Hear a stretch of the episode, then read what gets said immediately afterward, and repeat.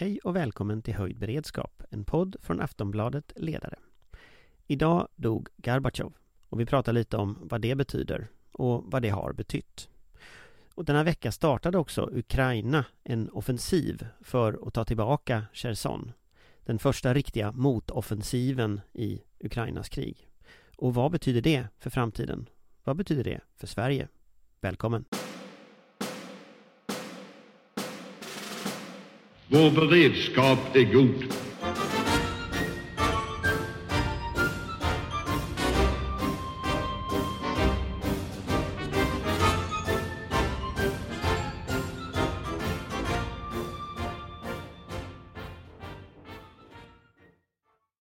Då säger jag välkommen till Oskar Jonsson eh, från Försvarshögskolan. Välkommen! Tackar så mycket. Oskar är ju med i podden lite då och då och är Rysslandsexpert på Försvarshögskolan. Och idag så är ju den, den stora nyheten eh, när vi sitter här och spelar in detta, det är ju att eh, eh Mikhail eh, Sergejevich Gorbatjov har dött. Eh, och han ledde ju eh, Sovjetunionen på slutet fram till dess upplösning som den sista generalsekreteraren i kommunistpartiet. Eh, jag tänkte Oskar, kan du berätta lite om Gorbatjov? Vad fick han för betydelse? Mm. Ja, men det, finns ju, det finns en otrolig mängd eh, saker att säga om Gorbatjov. Eh, han blev ju framför allt då känd som Sovjetunionens sista generalsekreterare där han eh, tog makten 1985 eh, med de banderollerna som blev lika kända, alltså glasnost och perestrojka, eh, öppenhet och reform. Och Gorbatjov, han betraktade Sovjetunionen eh, och felaktigheterna eller problemen i det systemet, inklusive repressionen, inklusive det ekonomiska problemet.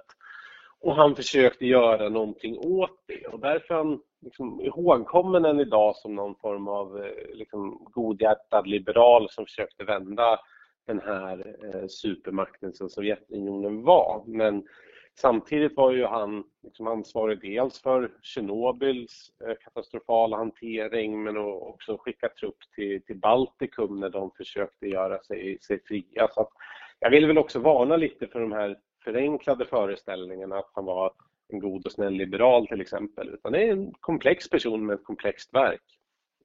Jag tänker att han, han blev ju 91 år det är ju en väldigt hög ålder. Om man går tillbaka några år i Ryssland så, så var ju medellivslängden 2002 58 år.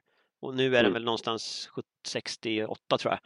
Alltså, eh, han har ändå varit en stor del av det ryska och sovjetiska 1900-talet.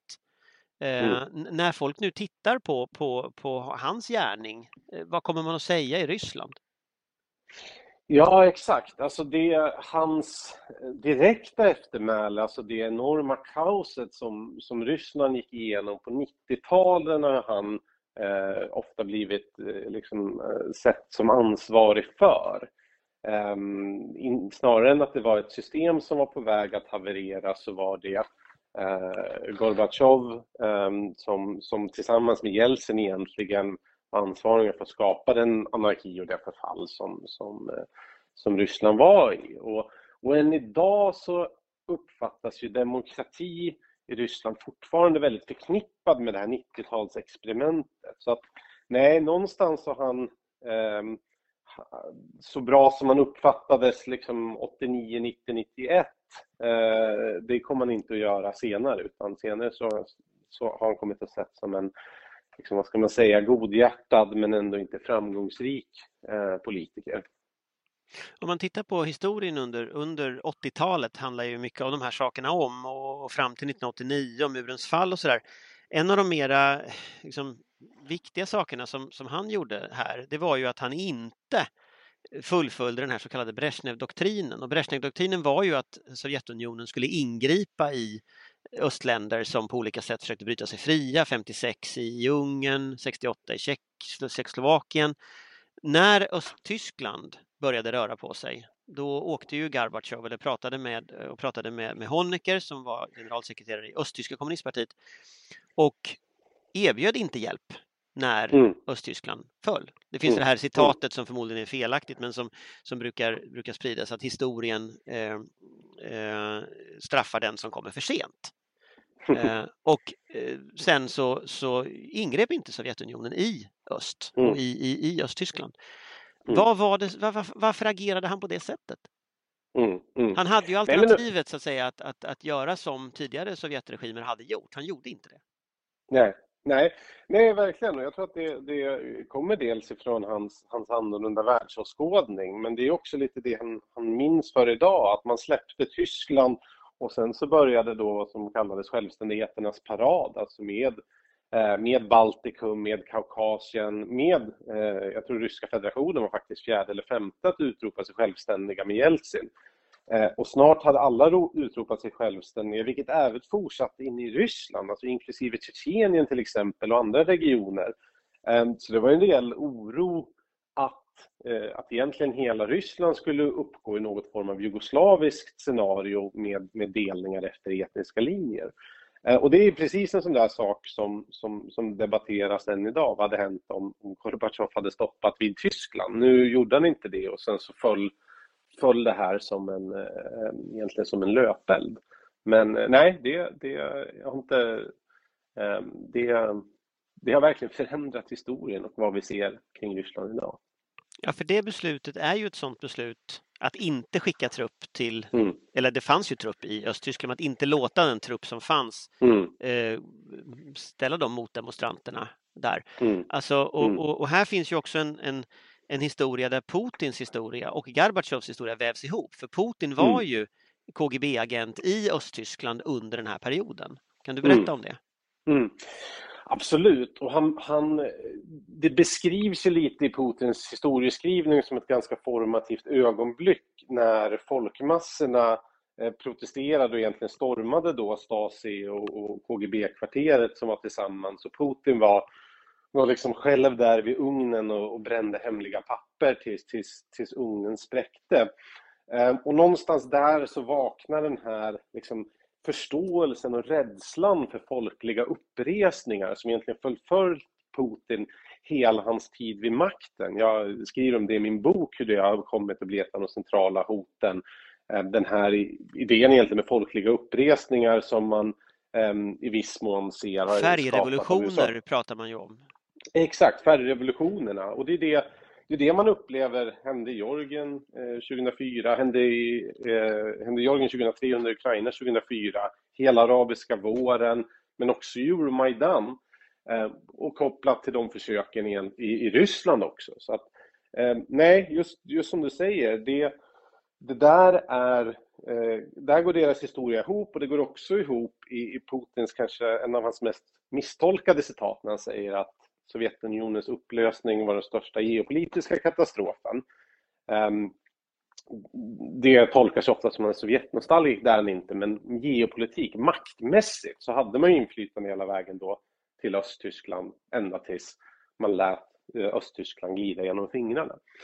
Ehm, och det tror jag knyter tillbaka till hur Gorbatjov kommer bli ihågkommen i Ryssland som, som någon som lät det här försvinna. Inte nödvändigtvis Sovjetunionen utan makten och den inflytande man hade eh, som, ja, framförallt rysk då. Om, om, man, om man eh, tänker nu, nu, nu har han, eh, han, han dog i morse, eller han dog i ja, morse blir det väl, i alla fall mm. när, vi, när vi spelar in detta.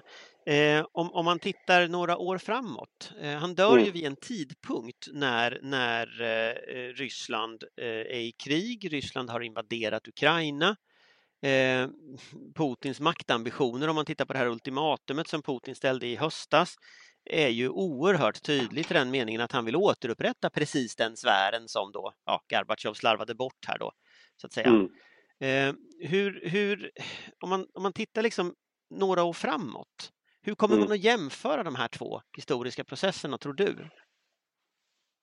Nej, men jag tror att det, det alltså, där sticker ju någonstans Gorbatjov ut för att det är ingen som liksom har minskat, nu säger jag rysk kontroll, för det var egentligen Ryssland som dominerade Sovjetunionen. Det finns ju ingen som har minskat rysk makt och inflytande så mycket egentligen som, som eh, upplösningen av Sovjetunionen som Gorbatjov hålls ansvarig för. Um, men hur, det, hur historien kommer döma Putin och det är ju nu, um, det får jag väl vara så här akademiskt och säga att det beror på. Ehm, för att eh, i viss mån så har liksom dagens Ryssland tappat väldigt mycket inflytande och liksom galvaniserat hela väst mot honom. Men å andra sidan så vet vi faktiskt inte hur det här kommer sluta. Eh, det kan sluta så att eh, liksom Ryssland inkorporerar nästan halva Ukraina eller 25 procent av Ukraina. Och att då i det långa perspektivet det ändå ses som en, som en vinst. Jag säger inte att det är det mest sannolika, men jag säger att um, vi vet inte riktigt hur kriget slutar än. Nej, det är en intressant fråga. Liksom. Vi får ju se. Det återkommer ju till den frågan. Jag tänkte, vi, vi, förutom Gorbatjov, så ett annat ämne som, som faller sig lite naturligt, det är ju den senaste utvecklingen i just Ukraina och det blev en bra övergång till detta. Eh, vi, och vi sitter ju i en situation när någon form av counteroffensive, någon form av motoffensiv ju har inletts mm. och där också den ukrainska ledningen ganska kaxigt får man säga talar om att ta, ta tillbaka Krim och ta tillbaka östra Ukraina. Mm. Vad är det mm. som händer på marken om man bortser från liksom de retoriska stormvindarna? Ja, men det är en bra fråga. exempelvis. Ja, nej, men det är en bra fråga för att allt är ju inte glasklart. Utan om vi spolar tillbaka lite så det som har hänt egentligen den senaste månaden är att Ukraina har bekämpat ryska styrkor, vapenlager, transportförbindelser. Och då pratar vi om långdistansartilleri, de här HIMARS som USA har levererat. Ja, HIMARS, eller hur det uttalas. Det, det är dels HIMARS, alltså raketartilleri, men det har också varit med eh, amerikanska robotar på, på MIG-flygplan, obemannade drönare och eventuellt specialförband också. Så att det, det är många olika förmågor. Eh, men man har börjat bekämpa ryska eh, fästen på, i Chersonområdet, inklusive så här, järnvägsförbindelser inne på Krim och eh, vapenlager för att egentligen tunna ut de ryska linjerna som är då norr om Dnepr i, i Chersonområdet. Eh, och fram till då eh, igår, eller i förrgår måste det bli, så annonserade man ju från, eh, från Ukrainas håll att nu har motoffensiven börjat. Och man har länge sett den vara på väg för att Cherson är så viktigt för Ukraina. Det är den enda regionala huvudstaden som Ryssland har tagit sedan kriget startade och det är Rysslands enda fäste norr om Dnepr, vilket är viktigt om man vill genomföra en offensiv om 12 månader eller 18 månader, en större offensiv. Eh, där någonstans eh, var läget när, när motoffensiven startade. Man sa från Ukraina att den startade och man kan se att Ukraina ganska, har intensifierat sin beskjutning över hela den ryskkontrollerade delen av Cherson. Um, därtill finns det också bekräftad rapport att man har brutit igenom ett par av försvarslinjerna. Uh, men sen så vet vi inte så mycket mer utan Ukraina uppmanar alla till att hålla tyst och många av de oberoende forskaranalytiker som, som rapporterar om kriget har också uppmanat till att ja, men beskriv inte vart Ukraina är och var de är framåt. Men det kan i alla fall bekräfta att man har brutit igenom första försvarslinjen på ett par ställen. Eh, och sen så kan man också se via alltså NASAs eh, branddetekteringsverktyg, eh, satelliter, kan man se att det har skett explosioner över egentligen hela eh, det rysk, ryskockuperade Cherson. Hur mycket reserver, givet den här förbekämpningen, alltså hur mycket reserver kan ryssarna plocka fram för att stoppa offensiven? Eh, jo, men det är en bra fråga. Eh, den senaste månaden då så har Ryssland omgrupperat eh, ungefär från att ha någonting 13 bataljonsstridsgrupper till 25 bataljonsstridsgrupper man har tagit. Och en bataljonsstridsgrupp är? Det är en jättebra fråga. I teorin 800 man vara, brukar man väl säga? I teorin ska det vara 800 man, några av dem har varit så lite som 200 man, så att ja, det, det är själv ett ganska märkligt mått. Men men eh, låt säga 650 man bara för, att, bara för att få en siffra. Men man har gått från 13 bataljonsstridsgrupper till 25, alltså man har tagit trupp från östra Ukraina och flyttat eh, i förväntan av den här motoffensiven. Men nu är alla fasta förbindelser sprängda, det vill säga allt du ska få över får du egentligen skicka på, på, på små färjor som såklart är väldigt eh, sårbara för bekämpning. Så att, eh, det är oklart hur mycket, eh, hur mycket Ryssland kan, kan få fram och få över floden Eh, och, och, om de istället väljer att i panik och fly, ja, kommer de kunna komma tillbaka till andra sidan Dnepr då? Ehm, det är svårt att veta, men jag vill bara egentligen varna för att teckna in för mycket. Vi vet att beskjutningar skett över hela Cherson, alltså ryskockuperade Cherson. Vi vet att Ukraina bryter igenom ett par försvarslinjer, men det kan ha varit de tunnaste. Vi vet inte om det här är den, den liksom storskaliga frontaloffensiven som, som kommer liksom driva ryssarna i, i sjön uh, på nolltid, utan vi vet faktiskt inte omfattningen. Man brukar ju säga att om man ska försvara tagen terräng så behöver man liksom betydligt mindre förband och man brukar säga att 1 mm. till 3 ungefär behöver mm. liksom Ukraina ha för att ta det som ryssarna mm. har hållit. Har Ukraina den förmågan? Eh, nej, inte enligt de öppna. Eh, det där är som sagt jättesvårt att veta. Hur mycket har Ukraina i en brigad, hur mycket Ryssland i en bataljonsgrupp? Men av de öppna tillgängliga källorna så, så har jag inte sett att de har 3 till 1. Eh, men det kan ju också till exempel förstärkas av eh, raketartilleri eller, eller flygplan, att man kan liksom nå en effekt på ett sådant sätt som gör det. Men, men du har helt rätt, alltså Ukraina har varit extremt framgångsrika på att försvara sig, till exempel, och med en bra lägesbild. Man vet att det kommer en rysk kolonn på den här vägen. Men då kan du, lägga, då kan du ligga i skogen och skjuta på den med pansarvärnsrobotar. Ja, ja nej, men det är det jag Medan menar. Du... Taktiskt så har du, du pratar ju om jägarstrid i ganska hög utsträckning. Ja, Bakom ja. fiendens linjer, du pratar om små, rörliga, väldigt autonoma förband. Här pratar du om ganska stora förband. Eh, ja. Alltså, ja, fördelningar hade vi väl sagt förr i tiden, men liksom stora ja. systematiska angrepp är ju något annat. Liksom. Kan Ukraina detta? Alltså det är någonting man inte har övat på i samma utsträckning. Liksom hur, hur stormar du ett, ett värn eh, som är minerat och har liksom försvarsanordningar? Det är någonting som Ukraina inte jämförelsevis lika mycket har liksom övat på. Så att det är därför den här offensiven också är, Ehm, är så intressant, för att det är egentligen Ukrainas första offensiv. Alla andra ställen man tagit tillbaka mark har det varit strider och Ryssland dragit sig tillbaka. Medan här verkar man stanna och försvara sig. Och är den framgångsrik skulle det då bli liksom Ukrainas eh, första större motoffensiv som är framgångsrik. Ehm, men det är som du säger, vi, det är inte det Ukraina har gjort, det är inte det man har övat på och det kräver en annan koordination till exempel mellan stridsflyg och, och marktrupper för att kunna utnyttja ja, för, de, för det här är en annan, en annan fundering när jag, jag tittar lite på vapen, alltså olika typer av, av eh, förband som finns här. Det ryska mm. flygvapnet, mm. var är det? Eh, ja, det är, det är där, eh, men det är eh, inte lika där som man hade förväntat sig ett västligt eh, flygvapen skulle göra. Ehm, vi ser till exempel Su-25 och de gamla kärrorna de flyger egentligen och lobbar oguidade bomber mot ukrainska positioner. Eh, de är inte där och egentligen etablerar någon luftkontroll utan Ukraina har lyckats med sina burna, bär, bärda eh, luftvärnssystem men också fasta luftvärnssystem ehm, att förneka Ryssland luftkontroll. Jag såg någon elak bedömare som sa att det där är inte flyg, det är inte air power, det där är mm. winged mm. artillery. Mm. Eh, mm. Om, om, den ryska taktiken. Att de träffar mm. inte någonting utan de bara kastar granater omkring sig. Mm. mm. Men i, i, min kunskap om rysk, rysk flygvapen så är de oerhört avancerade. Så vad är det här? Vad är det som händer? ja, ja men det, det, fin, det, finns en, det finns en längre bakgrund till det här. Jag tror att det, det första man ska förstå om rysk luftmakt det är att de inte funkar som västlig luftmakt utan alltså ett krig i väst startar med att eh, Eh, flygvapnet bekämpar eh, allt luftvärn och etablerar kontroll och slår ut egentligen hela landet och sen så kanske det kommer lite marktrupper. I Ryssland så är den huvudsakliga klon är ju marktrupperna och framförallt artilleriet som levererar eldkraften.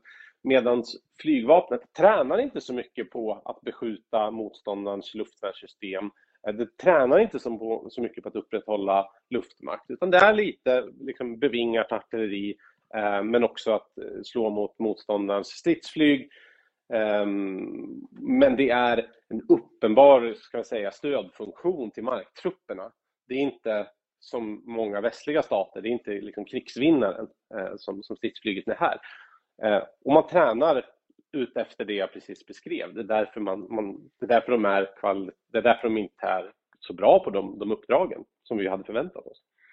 Men om du ska förutspå lite framtiden här, det är alltid riskabelt i krig. Eh, ja. Men om man ska förutspå lite, om du tänker ett tidsperspektiv, vad, vi utgår från att ukrainarna vill kasta ryssarna i Dnepr. Mm. Eh, vad tänker de för tidsperspektiv innan de har lyckats? Om du tittar på liksom hur de militära pjäserna är Mm. utplacerade här? Vad, vad Mm. pratar vi om? Liksom? Pratar vi månader, veckor, Mm årsskiftet? Det här, har vi prov, det här har vi provat förut när du eh, säger eh, spekulera så säger jag jag vill inte spekulera och sen så spekulerar jag och så, så, så, så kommer det med för, eh, rakt fram.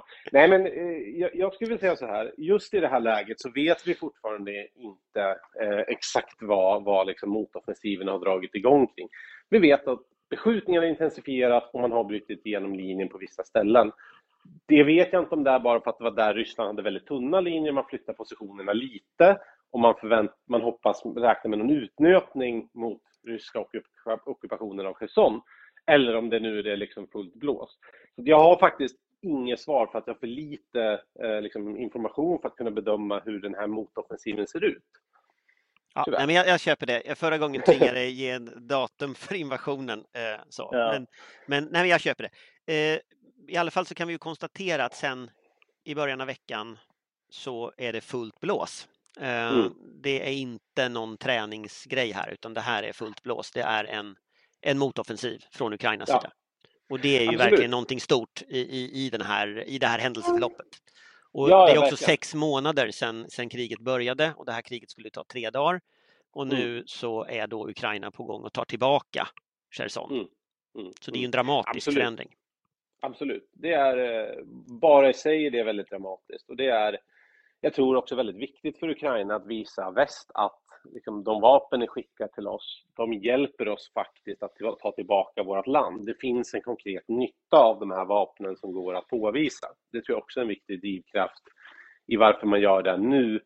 Eh, och sista saken kring tajmingen är ju att Ryssland länge har pratat om att fejka en folkomröstning för att Cherson då ska rösta för att bli integrerad i Ryska federationen och att man vill eh, störa den, den, eh, den processen genom att se till att det inte finns någon fast rysk kontroll över Cherson. Ja, och där kan man säga det här med att ge signaler till väst. Eh, Den, den ukrainska utrikesministern var ju här i måndags, var det väl va? Ja, Mm. måndags. eh, För att be om mer vapen och tyngre vapen. Och det, har ju, Mm. och det är ju lite intressant om man tänker på hur ser stämningarna ut i Sverige. Eh, Jag var och talade på, på IF Metall igår, möte med dem. Eh, Och eh, då pratade vi bland annat om det här. Och det, är ju, det är ju svenska metallarbetare som har tillverkat de här pansarskotten. Och Mm. de är ju väldigt stolta över att det är det Mm. här som liksom bidrog till att stoppa den ryska offensiven eh, norr om Mm. Kiev. Även om man inte lyckades stoppa Butja så lyckades man liksom stoppa trupperna. Så det Mm. finns ju en stolthet i väst över vad vi har bidragit med. Men där Mm. lyfter ju då, lyfter ju då eh, också eh, eh, frågan nu om tungt artilleri. Och då handlar det ju om Archer, man har pratat om att eh, det kom en debattartikel nu för, för några- dagar sedan med, med Karlis Neretkis bland annat om att man skulle ge eh, Archer, eller ja, på något sätt överföra Archer till, till, eh, till Ukraina. Eh, och det handlar ju om 12 pjäser det man pratar om. Det är ett tungt artilleri. Sverige har inte så många, vi har bara 48 så det är, liksom, det är en ganska stor del av det svenska artilleriet i så fall man skulle föra över. Mm. Eh, samtidigt så ser vi att det nu har en effekt. Mm. Vad, vad tänker du om det? Nej, men jag, jag tror att eh, kriget i Ukraina nu är väldigt mycket av ett artillerikrig. Eh, och där så skulle Archer göra en enorm skillnad. Det är ett fantastiskt system. Vad är det Archer kan som inte annat som de har kan? Nej, men det är eh, en sn- snabbrörlig eh, plattform med, eh, med väldigt bra ammunition. Plattform betyder alltså en lastbil. Ja, förlåt. Det är, en, det är en kompetent lastbil med ett stort eldrör som, som, eh, som skjuter väldigt bra ammunition, artillerigranater. Och De träffar inte- saker. Ja, och träffa saker. De är inte raketartilleri, de skjuter inte robotar så som HIMARS gör. Men de är i princip lika träffsäkra. Ehm, Så att det- det finns inget tvivel om att Archer hade varit ett fantastiskt bidrag i vad som är ett artillerikrig och antalet plattformar och ammunition är liksom väldigt gränssättande faktorer. Sen så är bedömningen som, som är svår att värdera är eh, hur snart kan vi producera nya? Hur mycket ammunition har vi i lager? Min känsla är att det är ganska låga nivåer. Så är det generellt i Försvarsmakten. Men är inte Archer. NATO-ammunition så att andra kan bidra med ammunition också har jag någonstans i bakhuvudet? Eller har Mm. jag fel? Mm. Ja, nej, men är, är- om man kan lösa den tvisten så, så är det det. Men jag tror att det är därför Sverige Sverige har varit väldigt försiktiga med vapenleveranser hittills. Ehm, däremot har man gett mer militärt bistånd så att, så att Ukraina kan köpa vapen annorstädes. Och det är min bild har att göra med att vi har väldigt lite i ladorna och därför är vi försiktiga med det. Därför är det bättre att skicka pengar ibland.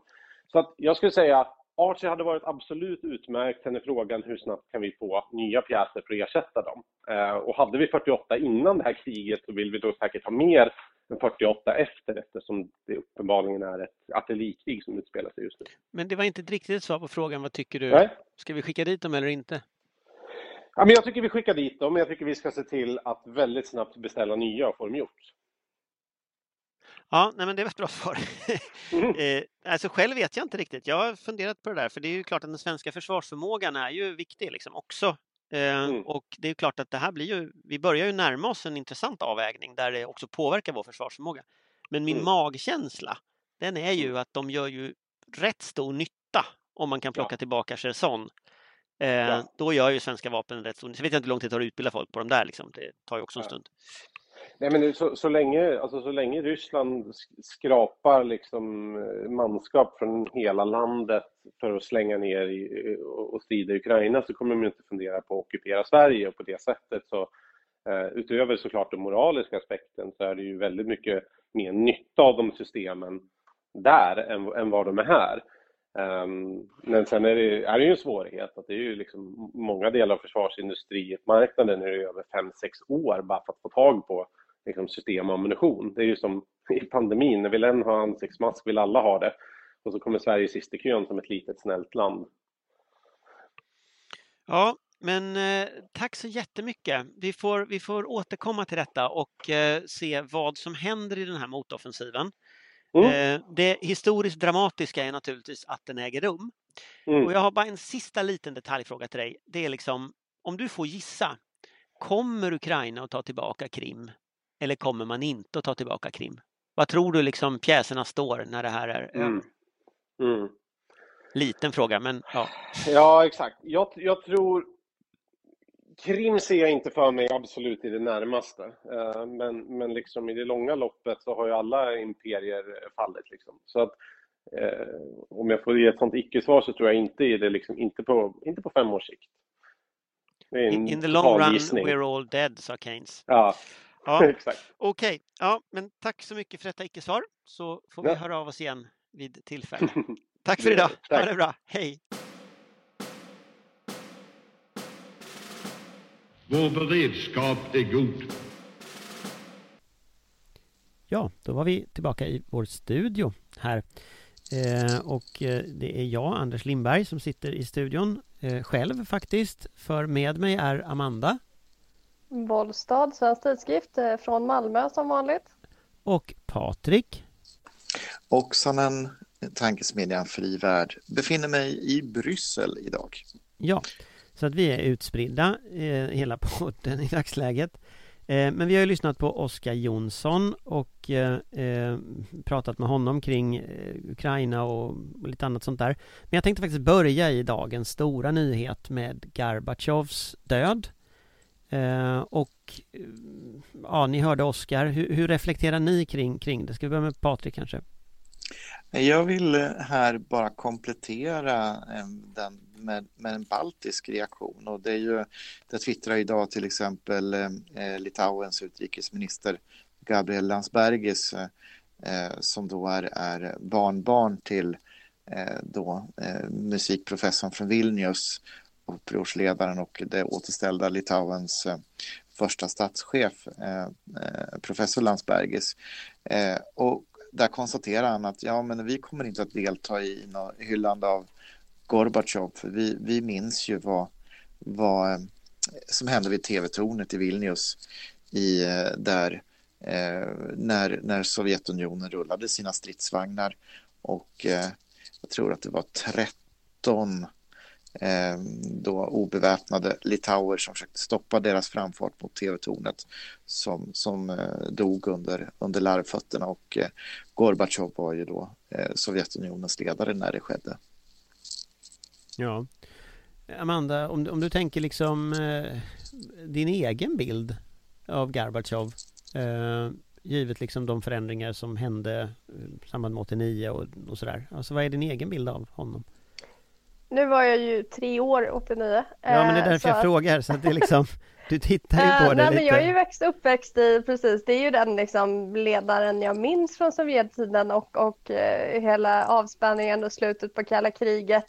Så att där sitter ju, han, för mig känns det väldigt mycket som slutet på en era och nästan lite profetiskt i samband med det vad vi nu ser att, att hans död sammanfaller liksom med slutet på slutet på historien. Att eh, vi är tillbaka i liksom till, till kalla kriget och till eh, de storryska maktanspråken och eh, våldsretoriken på ett sätt. Att, att den avspänningstid och den frihetstid som jag växte upp i eh, inte finns längre. Eh, och han är ju inte, som Patrik så riktigt på, påpekar, så är inte han på något sätt skuldlös och, och Eh, kanske inte ska hyllas som någon större demokratisk ledare av flera skäl, men, men det är också väldigt, väldigt talande. Han fick ju ändå representera den utvecklingen som skedde i slutet på 80, början på, på 90-talet och uh, väldigt geopolitiskt präglande då. Uh, och den eran är slut. Längre än så höll det inte. Mm.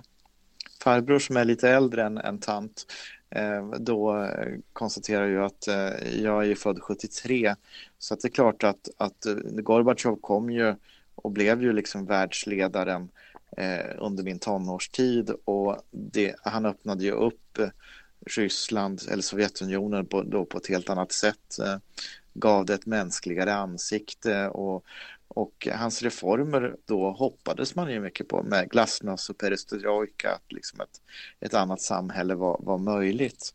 Och det är klart att också min uppväxttid då är präglad av den optimismen och eh, Winds of Change, eh, skor, den berömda Scorpion-låten eh, med allt vad det innebär under den, den tidseran. Eh, men, men vi ska komma ihåg att Gorbatjov han, hans mål var ju inte att upplösa Sovjetunionen. Han försökte bevara imperiet genom reformer eh, men sen krackelerade det för att han, han, eh, han underskattade reformernas kraft och vilka effekter det skulle få på människor. Jo men det tänker väl jag också. Jag är ju då, jag är faktiskt ännu äldre än Patrik.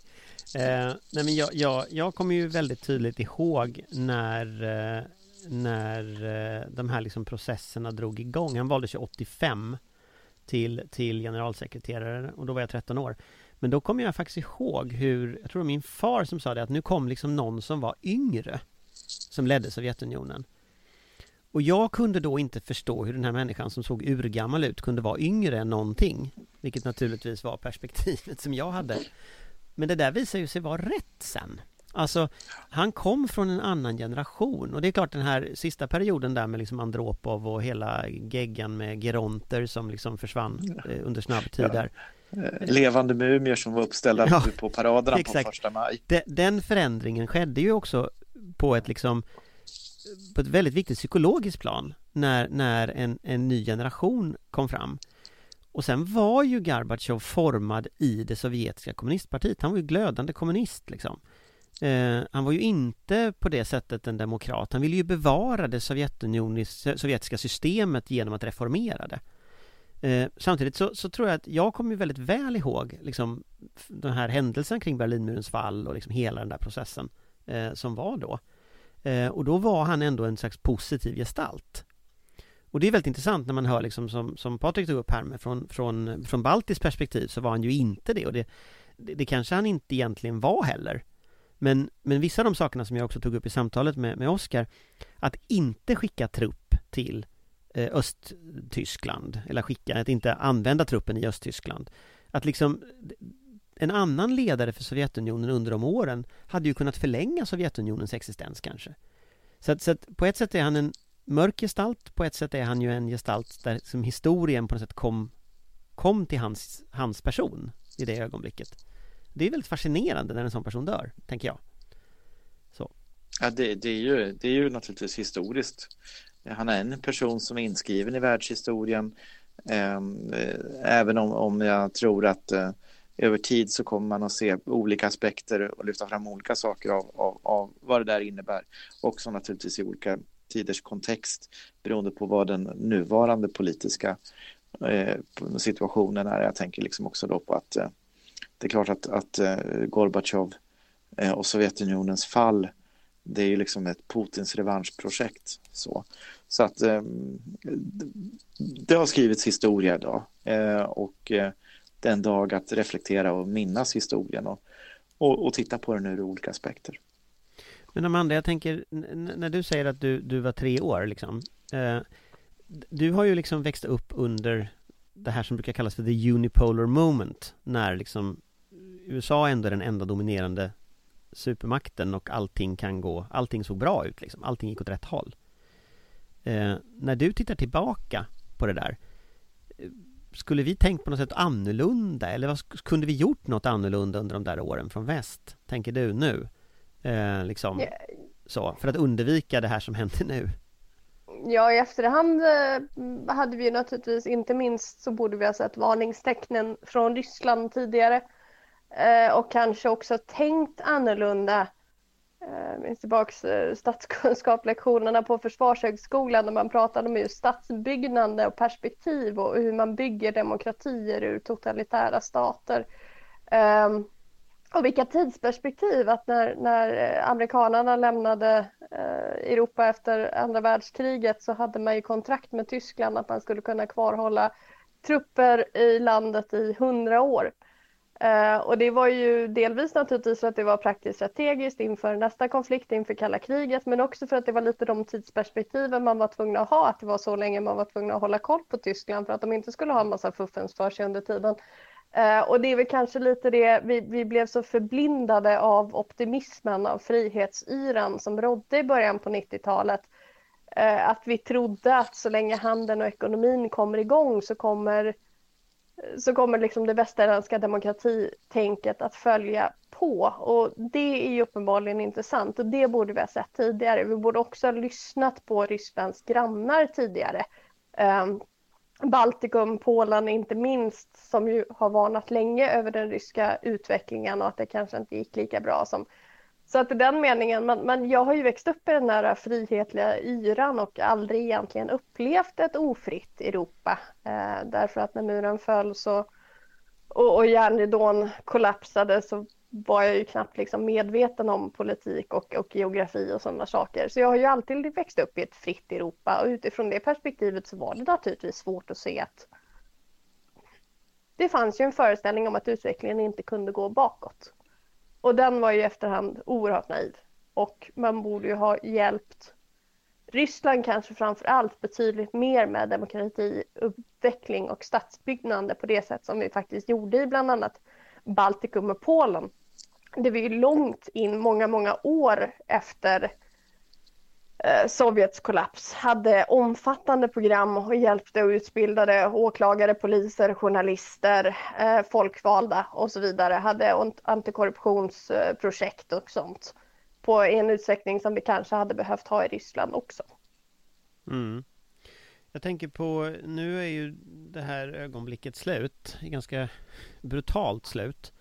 Eh, och det andra ämnet vi pratade med, med, med, eh, med eh, Oskar om, det var ju just det som händer nu i Ukraina. Därför att den här veckan så har det ju, dels är det ju den 24, ja det är några dagar sedan nu, men det var ju eh, då både eh, självständighetsdagen i Ukraina och också sex månader sedan den ryska invasionen. I måndags var Ukrainas utrikesminister här och bad om mer stöd. Och vi ser nu i dagarna här så börjar Eh, på allvar den motoffensiv som eh, vi har väntat på ganska länge i Ukraina. Den händer ju nu. Eh, och där diskuterade vi med Oskar ganska mycket men en fråga som vi inte riktigt tog upp det är ju liksom hur länge orkar Europa stödja det här? vad tänker du om det Amanda? Alltså hur, hur liksom, hur länge vad behöver liksom Ukraina göra för att ha Europas stöd för att fortsätta detta? Innan Amanda svarar på det vill jag bara flika in och säga Anders, det är åtta år, inte sex månader som, som invasionen har pågått. Sure. Men jag förstår den att du andra invasionen. Den, den, den andra. Nu, nu är det Amanda. Du menar den, den senaste invasionsvågen. Jag tycker bara att det är viktigt att vi ah, säger det så att Nej, men människor glömmer det, att det har pågått i åtta år. Du har rätt i detta. Jag, jag, Förlåt, jag, jag, jag, gör härmed självkritik på den punkten. Amanda? Ingen fara. Uh, nej, men Ukraina har gjort ett testjobb uh, och, och jag tror ju att deras otroliga PR och diplomat, eh, diplomatiarbete har varit en stor del av att de har kunnat hålla ut så länge för att de har fått ekonomiskt stöd och inte minst eh, vapenstöd på grund av att de har varit så oerhört skickliga på den här arenan. Eh, men man märker ju att intresset börjar falna eh, överhuvudtaget, vilket ju är ett underbetyg och egentligen helt fruktansvärt. Men, men så är det ju. Det är inte längre första sidesnyheter. Folk tröttnar på tragedier och mörker och så vidare. Och sen är det ju nästa fråga som kanske är ännu värre. Det är ju alltså de egna lokala problemen, inte minst el och energikrisen. Eh, att folk blir upptagna av den ekonomiska politiken och det kommer ju vara den stora utmaningen i vinter att hålla fast vid sanktioner och så vidare i mot bakgrund av den här eh, fruktansvärda eh, energikrisen som har drabbat stora delar av Europa och som drabbar människor, enskilda människor fruktansvärt hårt. Eh, vi ska inte diskutera energipolitik här, men det var väl Falkenbergs Energi eller något som hade gått ut idag och pratat om att en vanlig villaägare skulle ha 50 000 i buffert för att kunna klara energiräkningarna i vinter. Och eh, det har ju folk inte i ganska stor utsträckning och det finns ju jättemånga anledningar till att vi befinner oss i den här situationen. Men en enkel en lågt hängande frukt kommer ju vara att vilja ta in den ryska energin igen och det skulle ju vara en katastrof därför att det är ju en direkt finansiering av de monstrositeter och det invasionskrig vi ser i Ukraina. Så det kommer bli jättesvårt. Ehm, och där har väl Ukraina och eh, media och politiker i väst ett gemensamt ansvar att, att försöka hålla fokus på de övergrepp och de fruktansvärda handlingar och de konsekvenser kriget får. Men det kommer bli svårt. Det kommer bli jättesvårt. Patrik? Det här är ju den, den, den frågan som, som eh, alla ställer sig och naturligtvis så är det också som så att eh, den här avgörs inte i Sverige. Jag, jag fick frågan, jag, till Bryssel så kom jag via Helsingfors där jag pratade på en konferens på Sveaborg eh, och jag fick en fråga om, om hur ser den här Ja, av alla ställen. Det, det, är mycket farande fram och tillbaka. Eh, men, men där fick jag en fråga eh, i, i där att liksom, ja, men just det här då, finns det, är en del av den svenska valdebatten, energin, stödja Ukraina? Och jag sa det att ja, men i Sverige har vi en debatt om energipriset, ja. Eh, men vi kopplar inte den till, till en debatt om att inte stödja Ukraina. Utan, utan det är separerat och den som Eh, Eh, då, och det här var ju på engelska så att jag, hade, jag tappade ord. Så jag försökte säga att den som i den svenska debatten skulle säga att vi skippar stödet till Ukraina och, och sänker elpriset istället och kopplar på ryska gasen, att EU ska dumpa Ukraina. Ja, den är ju liksom swish, sa jag i, i debatten, som jag inte hittade ordet då just. Men, men vad jag menar är liksom, den är ju då idiotförklarad i svensk debatt. Den skulle inte politiskt kunna, kunna köra det budskapet. Då är jag ju mer, mer bekymrad över hur, hur kommer det här att se ut i Tyskland? Hur kommer det här att se ut i Frankrike? Hur kommer det här att se ut i Italien? Eh, det blir den större huvudvärken. Ja, där, där, är väl Italien kanske också den mest svaga länken politiskt just nu. Eftersom ja, it... där kan ju bli, eh, ja, den kommande regeringen kan ju bli en väldigt märklig historia. Ja, eh, och den italienska soppan kanske vi ska prata om i, i en annan podd utifrån säkerhetspolitik eh, också sådär men men, eh, Nej, men där, kan det, ju, det, där kan ju partier som, som lojala mot Putin, är väl fel uttryck, men proryska ta över landet. Ja. ja. Det är ju det läget som vi står i, eller som kan stå i, i Italien. Ganska sannolikt också skulle kunna hända. Så det är väl ett högsta grad, i alla fall. Ett, ett högsta grad ett, ett riskscenario så att säga. Eh, samtidigt är det här ju på EU-nivå. Så, så, det är ju inte ett land, det är ju svårt. Men däremot så vet man ju inte riktigt vart EU tar vägen i frågorna. Nej men när jag tänker på varför jag frågar är liksom för att jag tänker att en del av offensiven i Cherson och försöken att så att säga avgränsa att kasta eh, ryssarna tillbaka över Dnepr Alltså en del av den strategin är ju också att visa Europa att, att eh, det är meningsfullt att fortsätta stödja Ukraina Ja. Eh. Och det är ju en nyckelsak hela tiden i ett litet land som för en försvarskamp mot en större aggressor. Det, eh, det är att visa omvärlden att man är värd att stödja, man är värd att ta risker för, man är värd att, att eh, göra uppoffringar för. Även om Ukraina får slåss ensamma så, så, så eh, och vi betalar ett relativt litet pris jämfört med det fruktansvärda priset Ukraina betalar med, med enorma lidanden, enorma konsekvenser, eh, så är det en viktig del av försvarskampen och en viktig del av deras strategiska kommunikation. Eh, och då behöver de också framgångar på marken. Så att eh, jag håller tummarna för att den här offensiven blir lyckosam och, eh, och att man når framgångar som också boostar stödet för Ukraina i Europa under vintern. Sen resonerar Putin-regimen det motsatta och kalkylerar med att vi inte ska orka. Jo, men, där, men där tänker jag just, eh, alltså om vi går över då från detta till lite mer inrikespolitik så tänker jag ju att det här sätter ju fokus på vad på något sätt Europa som kollektiv kan göra. Där Sverige blir liksom en del i det kollektivet. Och där har ju frågan väckts nu, till exempel om tunga vapen. Eh, rent praktiskt har det handlat på senare tid om det här som vi diskuterade med, med Oskar om, om, om Archer, om artilleri. Men det kan ju också komma upp andra frågor om tunga vapen. Eh, där ju också insikten bland beslutsfattare är ju att det finns ju den här, som vi diskuterade också, den här liksom genuina problematiken med vår egen försvarsförmåga å ena sidan Å andra sidan att kriget är i, i, eh, i, eh, i Ukraina och vapen gör mer nytta där än i förråd i Sverige. Så, att, så att det är ju en genuin konflikt vi sitter i här. Eh, Amanda, hur resonerar du kring den frågan? Jag tycker det är jättesvårt och jag känner framförallt att, att jag och nog få av oss utanför verksamheten har egentligen kompetens att avgöra detta. Så att detta är verkligen en fråga där vi måste lyssna, lyssna väldigt noga på professionen. Eh, men, men det är ju som du säger tudelat att vi behöver ju naturligtvis, eh, vi är inne i ett känsligt skede vad gäller vår, vår egen upprustning och vi behöver stärka vårt eget försvar. Samtidigt så går ju fronten, går ju Ukraina, det är även vår front. Och skulle det gå dåligt i Ukraina, skulle Ukraina, gud förbjude, förlora, så befinner ju vi och Europa oss i en betydligt sämre position säkerhetsmässigt eh, och strategiskt. Eh, så att det är en jättesvår avvägning, men, vi får inte glömma det att försvaret av Ukraina är ju också ett försvar av oss och av Europa. Lite mer positivt är... lät det som. Eh, Patrik? Nej, men det är ju, jag delar Amandas uppfattning om att här är det väldigt noga att lyssna in Försvarsmaktens bedömning utifrån vad, eh, vad, vad är möjligt eller rättare sagt vad är lämpligt så att vi inte slår sönder. Vi ska komma ihåg att just artilleri är ju på, på armésidan en av absolut svagaste punkter. Vi, vi, vi, vi, har ju, vi har ju varit nere på en löjligt låg nivå när det gäller artilleri. Eh, och var vi inte nere på en nu... pjäs ett tag?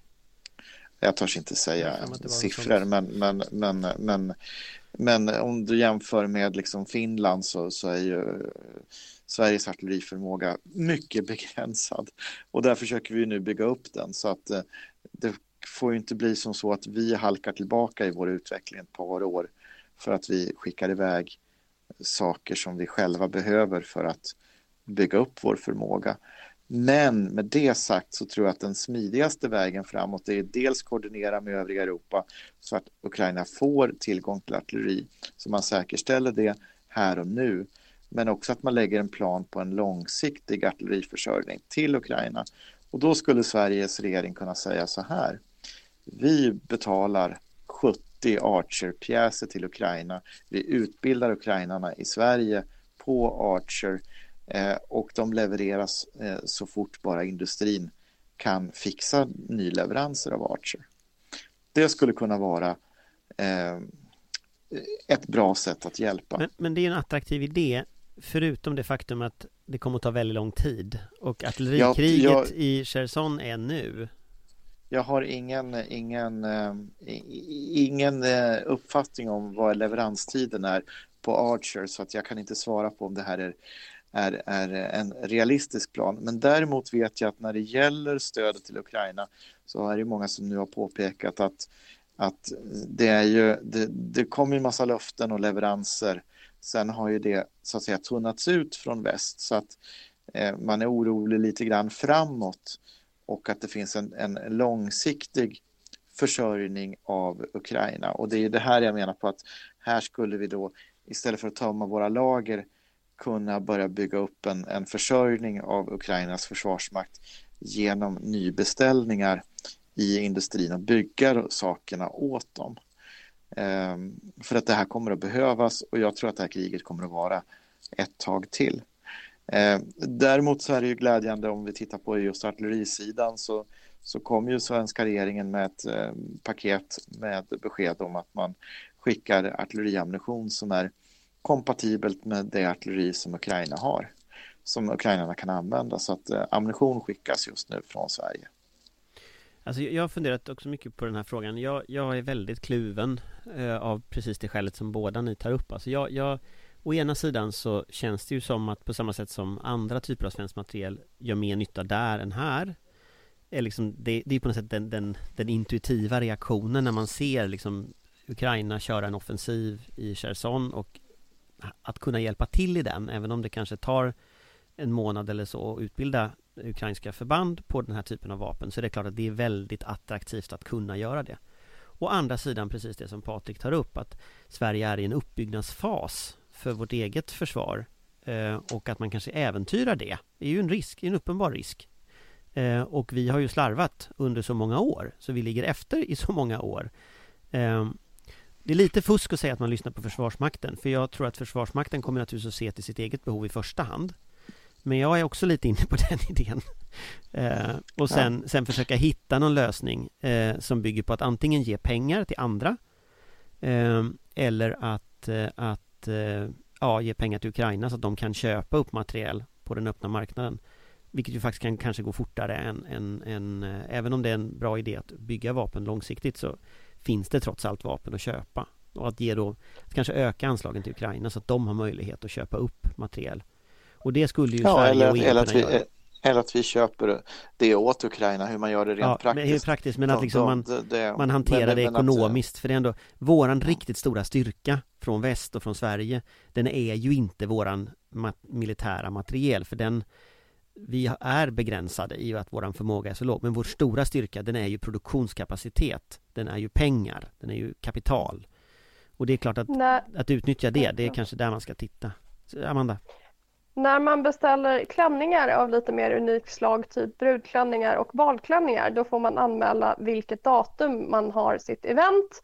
Man beställer de här ganska långt i förväg och om någon då kommer in lite oplanerat och behöver få tag på en med kort varsel, då brukar tillverkaren ha en stor matris av allt det här så då kan de kika om någon har beställt samma klänning till ett senare datum så att man kan få deras så länge och man producerar en ny till den som ursprungligen beställde det.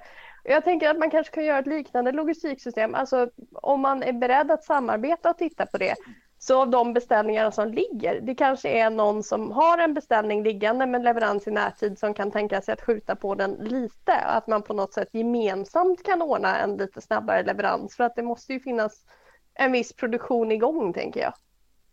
Är det där du har poddavsnittets rubrik? Brudklänningsmatrisen räddar Ukraina. Lite långt ord, men jag tyckte det var en alltså, jag, jag, tror man ska tänka lite sådär, jag tror du har helt rätt alltså, man ska, man ska fundera lite på kreativa lösningar där man kan samverka inom EU och med USA och sådär.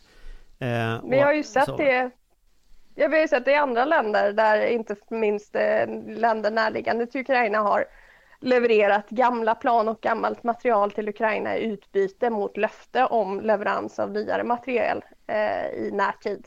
Mm. Så den typen av funktioner kanske man kan titta på även i den här frågan. Kanske finns någon annan som har beställt Archer som vi kan få så kan vi lämna över våra till dem på något sätt. Jag vet inte. Man får titta på någon form av eh, smidig lösning för det är klart att, att eh, vi borde ju hjälpa till och det känns ju moraliskt väldigt problematiskt att inte hjälpa till när de har en offensiv. Det tycker jag är man, man får inte glömma den här moraliska dimensionen i detta. Jag åkte förbi kommunhuset i den kommunen jag bor nu i morse och där var fortfarande den ukrainska flaggan hissad tillsammans med den svenska. Så nog finns det stöd i Sverige för att liksom, ja, backa upp, eh, backa upp Ukraina. Och då är det väldigt visuellt just eftersom det är ett artillerikrig att man på något sätt kan, kan stödja det. Och det är jättebra det här med ammunition men, men det är klart att, ja, de behöver ju eldrör också. Ja, de behöver allt. Eh, och eh, under lång tid. Men, men jag tror vår uthållighet. Ja, men det som jag tror väl är konsekvensen eller summan av vad vi säger här nu, det är att detta är nog mer komplicerat än vad folk försöker göra det till i debatten. Uh, vi får inte hamna i läget att vi riskerar den svenska förmågan mitt under en uppbyggnadsfas, vilket ju är en risk i detta. Nej, och där generellt kan vi säga som så att vi har varit lite för bra på att eh, fatta en massa beslut som ökar riskerna för oss eh, generellt sett. Ja, för det ska precis. vi vara tydliga med också det du säger Anders, att, att det är inte bara att vi eh, i så fall skänker bort materiel vi kanske behöver själva utan det är just den här uppbyggnadsfasen som riskerar att skadas, att vår förmåga att hantera de här systemen och utbilda på dem också riskerar att drabbas. Och det kan ju ha betydligt mer långtgående konsekvenser än att bara bli av med själva prylarna. Ja, precis. Men med det sagt så rundar vi väl av kanske dagens poddavsnitt helt enkelt. Så tack så mycket för eh, Bryssel. Eh, hej då Stockholm, hej då Malmö. Hej då och tack, tack så mycket så från Malmö. Hej. Och tack från studion här. Tack för oss, ses nästa vecka. Hej hej! Vår beredskap är god.